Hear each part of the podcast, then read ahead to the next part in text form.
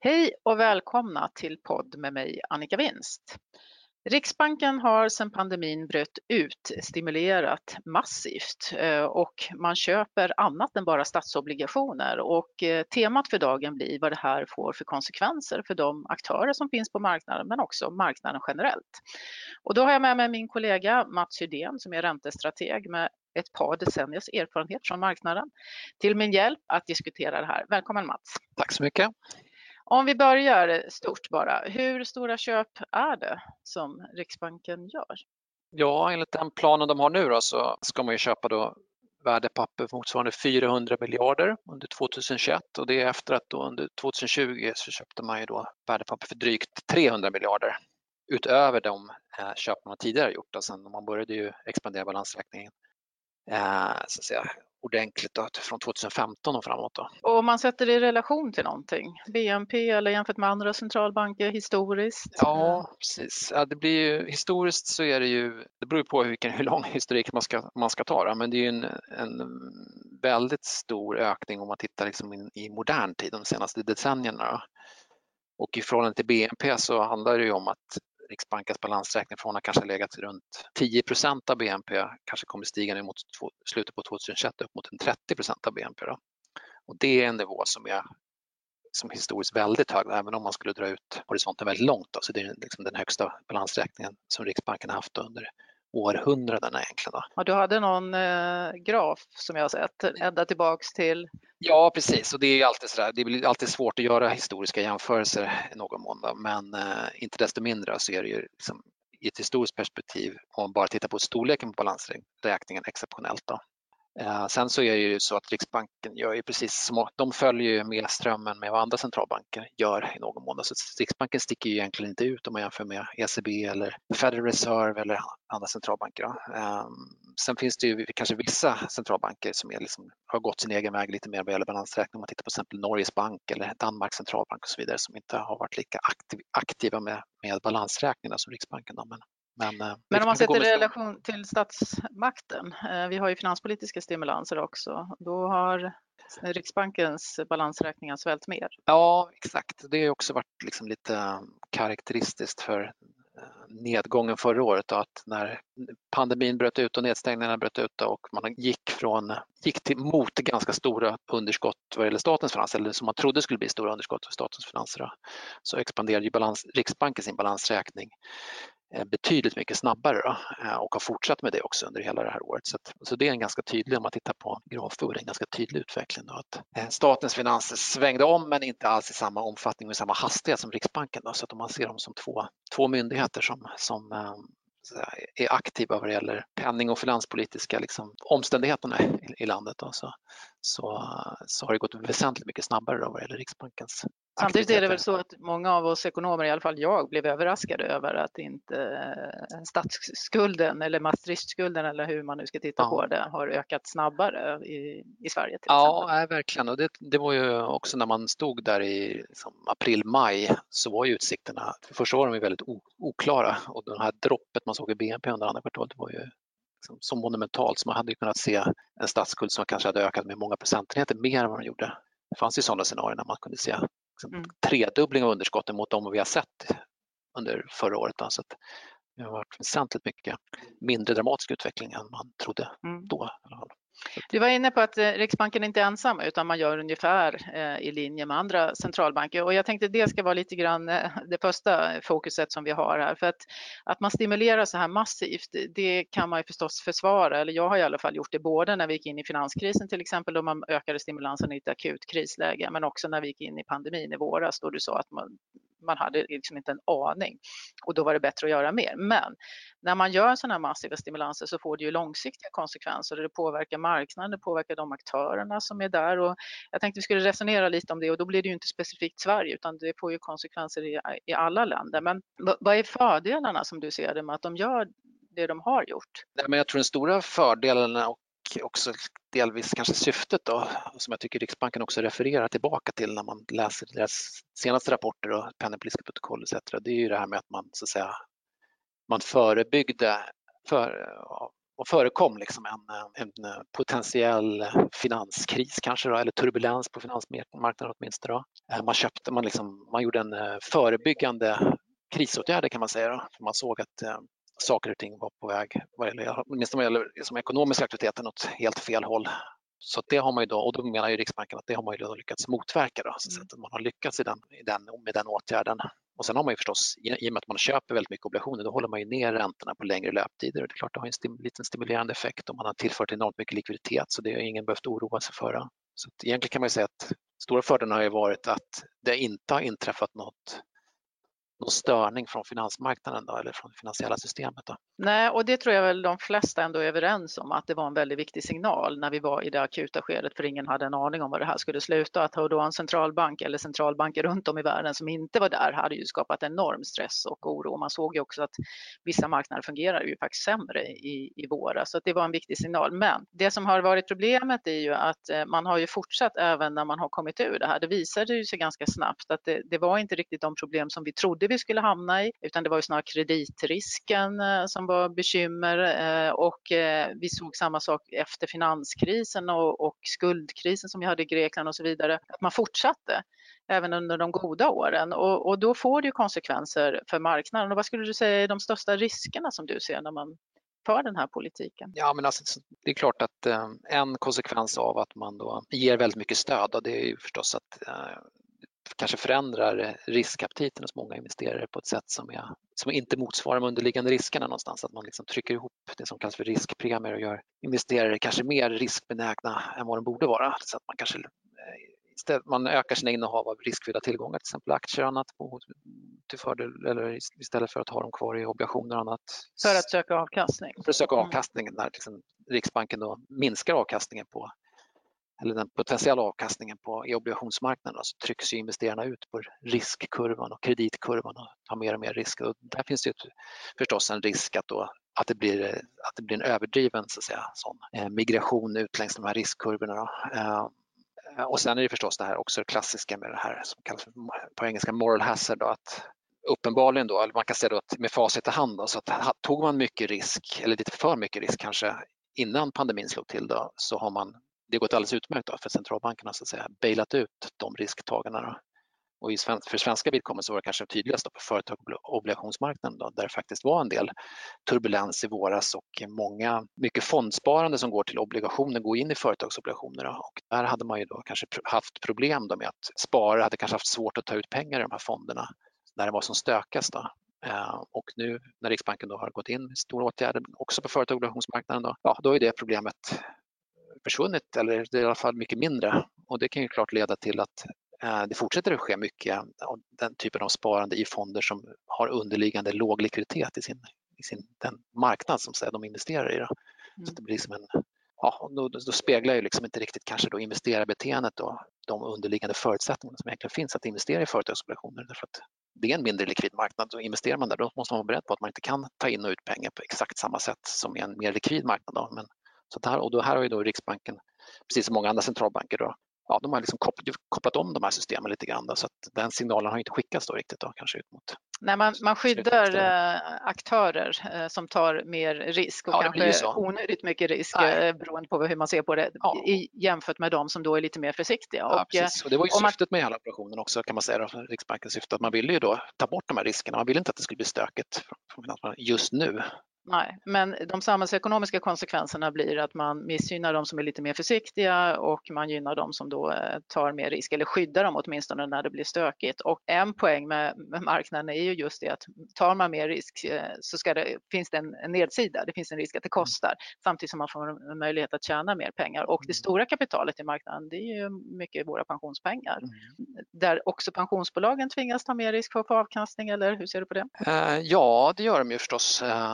De är, följer ja, de har ju samma förutsättningar som alla andra. Så att, eh, och där är det också en sån diskussion, inte minst i Europa också då, kring den låga ränte, långräntenivån som har funnits under en längre tid och svårigheterna då att skrapa ihop till framtida pensioner med rimlig risktagning. Då. Eh, sen är det problemet, liksom, ligger väl det ganska en bit ut på horisonten då, i och med att utvecklingen på börsen har varit väldigt stark och positiv. Då, så det har ju gått det har gått bra för pensionsspararna mm. under det här året kan man säga. i och med att man hade en sån enorm återhämtning på börserna och tagit ut nya högsta nivåer. Så att, men det är något som ligger det minskar också den eh, förväntade framtida avkastningen, så det är ett problem som ligger på horisonten. Mm.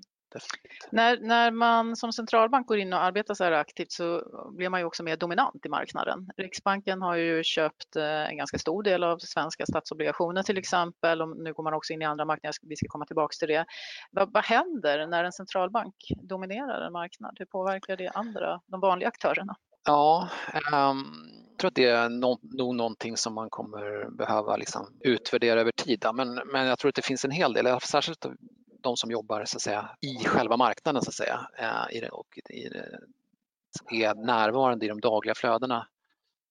Ehm, ja, så som, så som jag är och många andra förstås, då, både på liksom köp och säljsidan, på bank och investerarsidan. Där ser man ju, tycker jag, det har man ju sett sedan flera år och den är, en utveckling som har, liksom, har accelererat under, under förra året då, är ju hur närvarande Riksbanken är på, på obligationsmarknaden då, i, det, liksom, i det dagliga, den dagliga bruset så att säga. Uh, och det är ju en, en, liksom en dynamik som är, liksom, går liksom inte att sätta en riktig siffra på det, men, men, det är en väldigt stor skillnad. Idag i dagsläget till exempel så, så köp, är ju Riksbanken, har ju Riksbanken ett köp ett, ett schemalagt köp då, varje dag i princip i veckan då, för veck, veckans alla dagar. Då. På måndagar köper de statsskuldväxlar, på onsdagar köper de bostadsobligationer, på tisdagar köper de kommunobligationer och så vidare. Då. Jag kanske får någon dag fel här och på fredagar köper de statsobligationer. Då. Men, men totalt sett så är det ju då och det här annonseras då en vecka före och det blir liksom en, en, viktig, en av de viktigare drivkrafterna för marknaden i det, i det dagliga bruset någonstans. Då. Och vad Riksbanken väljer att köpa och inte köpa, och det är ju då, det är typiskt att när man kommer ner på detaljnivå, sånt som de inte kommunicerar ut i pressmeddelanden, sånt, det blir också avgörande då för, för flöden, hur de ska, hur de ska liksom, eh, gå igenom marknaden under den veckan. Då. Marknaden behöver ha mer fokus på hur centralbankerna agerar och fundera också då på hur det påverkar de investeringsmöjligheter Ja, det blir ju lite så. Därför att man kan ju alltid säga då, man, ofta när man pratar om effekterna på vad Riksbanken eller centralbanker gör så tänker man då på kanske hur mycket köper de totalt sett över helt, över ett helt år och hur mycket påverkar de långräntan i antal punkter. Liksom. Big picture och, och så vidare. Då. Och de här, hur det påverkar riskpremier och investerares beteende. Då. Men sen har man ju den här påverkan på så här, mikrostrukturen i marknaden. Då och eh, investerarna och hela marknadsaktörernas beteende och hur man anpassar sig efter det. Då. Och Riksbanken är ju den största investeraren i bostadsobligationer, till exempel för, både förra året och i år med en enorm marginal. Så att säga. Man har ju aldrig någonsin i marknadshistoria sett en köpare som har köpt 300 miljarder bostadsobligationer på ett år. Eller, nej, 300, de köpte 200 förra året men så ska köpa då drygt 200 i år. De kommer köpa 400 obligationer på eh, mindre än två år. Då.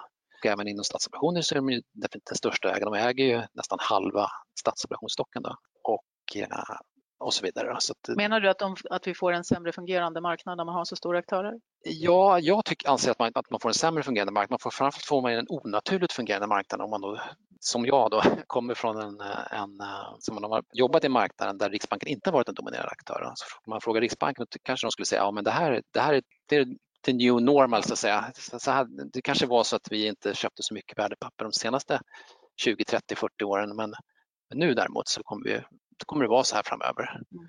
Så att, och det är inget konstigt med det. Och sen så kanske Riksbanken skulle hänvisa då till olika mått på likviditet eller priskänslighet och så vidare. Det finns lite sådana försök att göra det och säga att ja, men här ser man inga större förändringar i funktionen. Då. Men om man går ner och tittar liksom på det här, om man skulle sitta och göra djupintervjuer, om man skulle tvinga ner marknadsaktörerna på psykologsofforna och göra sådana, eh, hur, så skulle man nog, liksom, där, det finns ett, ett, dynamiken och funktionssättet förändras ju fast på en nivå som är väldigt svår att eh, mäta skulle jag vilja säga.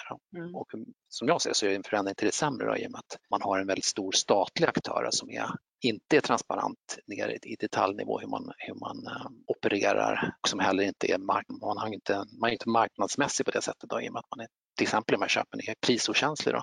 Jag tänkte vi skulle gå in på de olika köpen som de gör, men om man bara ska sammanfatta det här först innan, så det som händer är att man trycker ner räntorna. Eh, det tvingar aktörerna att ta mer risk, man får moral hazard-problem eh, och eh, man blir mer svårläst helt enkelt för att man inte är lika transparent. Men ytterligare en aspekt som kommer till, det är politikerna. Får det konsekvenser för vad politikerna gör när man har så dominanta centralbanker? Ja, det måste väl rimligen göra det.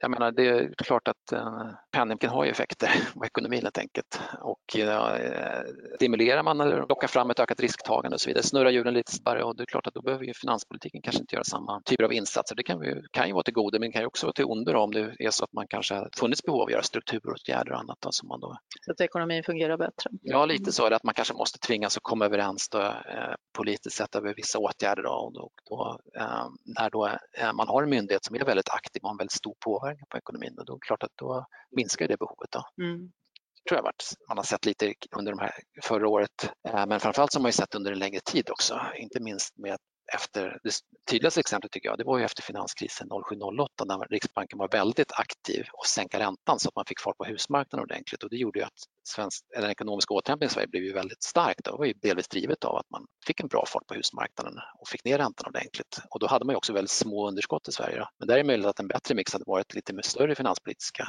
åtgärder och lite mindre penningpolitisk stimulans. Då hade man kanske inte fått, fått upp huspriserna lika högt och så vidare. Nej. Så att, det går ju tillbaka väldigt långt. Då.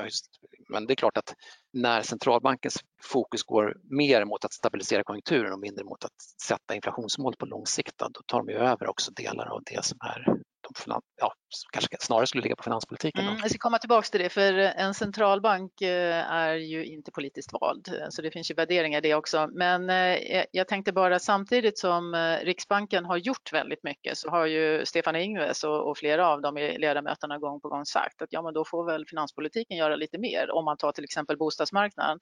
Får vi, häller vi bensin på brasan som man gör när man sänker räntorna mm. och köper bostadsobligationer, ja då får man väl införa en fastighetsskatt och det vet vi att det är väldigt komplicerat ja. med de system vi har. Så det, det, blir också utmaningar där. Mm. Vem mäktar med att göra mm. vad? Och jag har tidigare sagt, är det rimligt att vi har en centralbank som häller bensin på brasan och sen säger att det är andra eh, som ska vara brandkår, det vill mm. säga politikerna. Mm. Ja, det är inte alldeles enkelt. Men jag tänkte vi skulle gå in på de olika delarna för att Riksbanken har ju köpt väldigt mycket statsobligationer som du varit inne på, men man har också börjat köpa eh, bostadsobligationer, kommunobligationer och företagsobligationer som du nämnde. Och om vi börjar med bostadsobligationerna, det köper de mest. Hur, hur aktiva är de där? Du var lite grann inne på det. Ehm, ja, det är ungefär lite drygt hälften av eh, det här köpprogrammet då, som är riktade mot bostadsobligationer. Ehm, och det har praktiken motsvarar någonstans mellan 5 till 7 miljarder per vecka som de köper.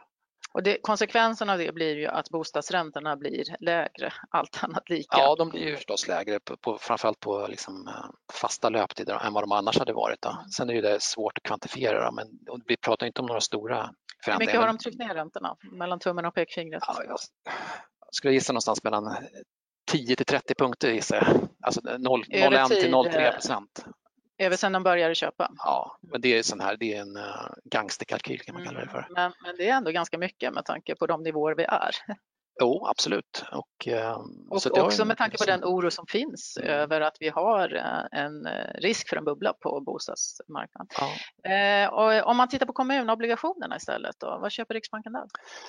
Um, ja, det är ungefär mellan 10 till 15 procent av de totala köpen. Då. Um, och, i ja, och det har varierat lite över tid. Riksbanken har, haft ganska, har köpt mycket Kommuninvest som är liksom ett finansieringsbolag som många av Sveriges kommuner och regioner är medlemmar i, men inte alla. Och man har haft svårare att köpa fristående kommuner och regioner. Så att, och det har växlat lite så att kommun och obligationsmarknaden har varit lite svårare för Riksbanken att, att styra implementationen av köpande eftersom den är mindre likvid. Då.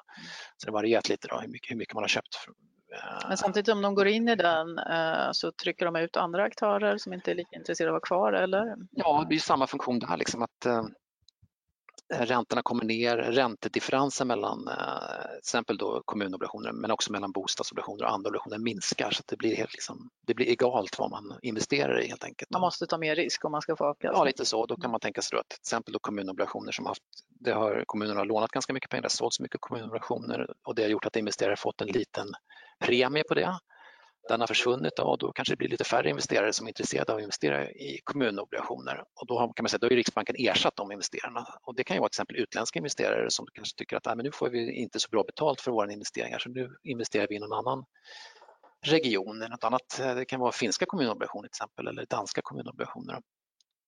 Ehm, och eh, Får den för sämre likvid marknad då? Eller? Ja, på över sikt kan, kan det innebära det. Då, för den, den dagen Riksbanken slutar köpa, då måste man hitta tillbaka till de här investerarna. Då har de kanske fått nya reglementen eller de har kanske ingen erfarenhet längre av att handla svenska kommunobligationer. Så kanske de, det tar tid för dem att komma tillbaka och då kanske spreadarna måste gå isär igen då, räntorna kommer upp igen då för att attrahera tillbaka de gamla investerarna eller hitta nya kategorier. Så det blir tufft för kommunerna då? Det kan ju bli det. Så det blir liksom att Riksbanken ersätter investerare och eh, det är bra nu, men vad händer sen? Ja. Frågan är då, nästa fråga, kan man backa ur det här? Och det gäller väl kanske eh, många eh, av de här investeringarna som det gör. Vi, vi tål ju inte jättemycket ränteuppgång på bostadsmarknaden heller om, om högt skuldsatt. Ja. Och de länder som är, om man ska prata generellt, tål ju inte heller som är högt skuldsatta att räntorna går upp. Så på något sätt har centralbankerna lite grann målat in sig i ett hörn när man trycker ner räntorna på det här sättet. Att det blir väldigt svårt att backa ur det här. Ja, det är svårt. Och det är också en lärdom som, som i alla fall jag har sett under de decennier jag har jobbat, att det är väldigt lätt att gå in och stimulera oavsett om det är penning eller finanspolitik, mm. men det är oerhört mycket svårare att backa ur och man lyckades ju faktiskt inte särskilt bra.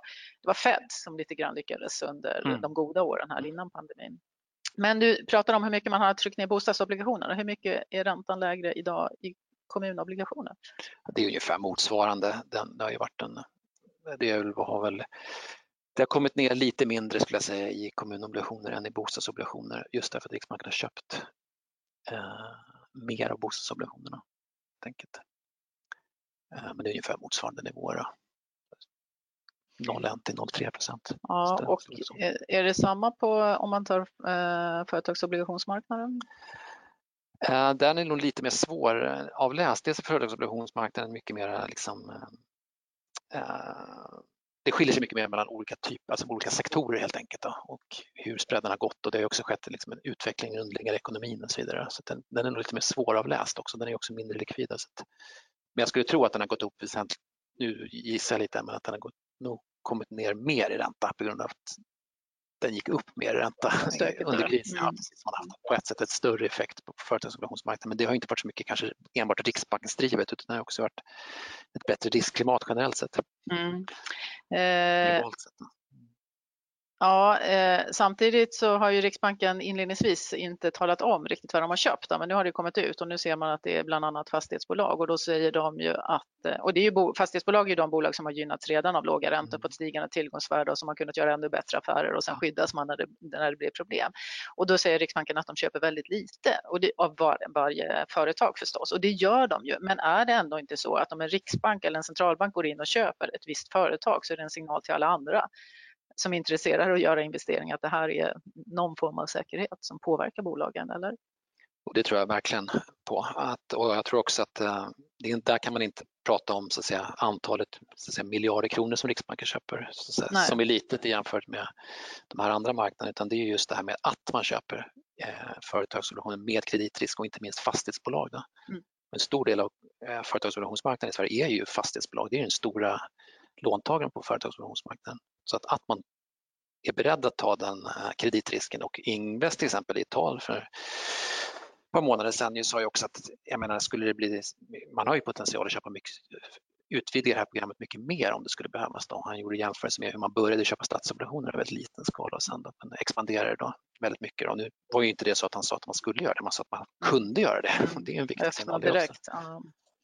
Ja, tiden eh, rusar iväg eh, och om man ska sammanfatta det här så eh, centralbankerna har ökat sina eh, stimulanser massivt och man gör det i flera nya papper. Det har tryckt ner räntan. Vi ser det i flera olika instrument och det påverkar då marknadsaktörer. Man tvingas att ta mer risk och man får moral hazard-problem eh, svårare för marknadsaktörer som du att läsa eh, och andra investerare då förstås. Är det något annat som du skulle vilja lägga till som man behöver ha med sig i bakhuvudet när man reflekterar över det här. Jag antar att den här debatten kommer fortsätta och man kommer komma tillbaks till förhoppningsvis efter ja. pandemin. Hur går det att backa ur det här? Ja, jag tycker att äh, den stora liksom, äh, perspektivet på det här är någonstans att det, var, det är en väldigt stor och dramatisk förändring av penningpolitiken som skedde under förra året och det är inte bara att man använde ett verktyg som man tidigare använt, liksom, magnituden på de här förändringarna och arten av dem i termer av att liksom,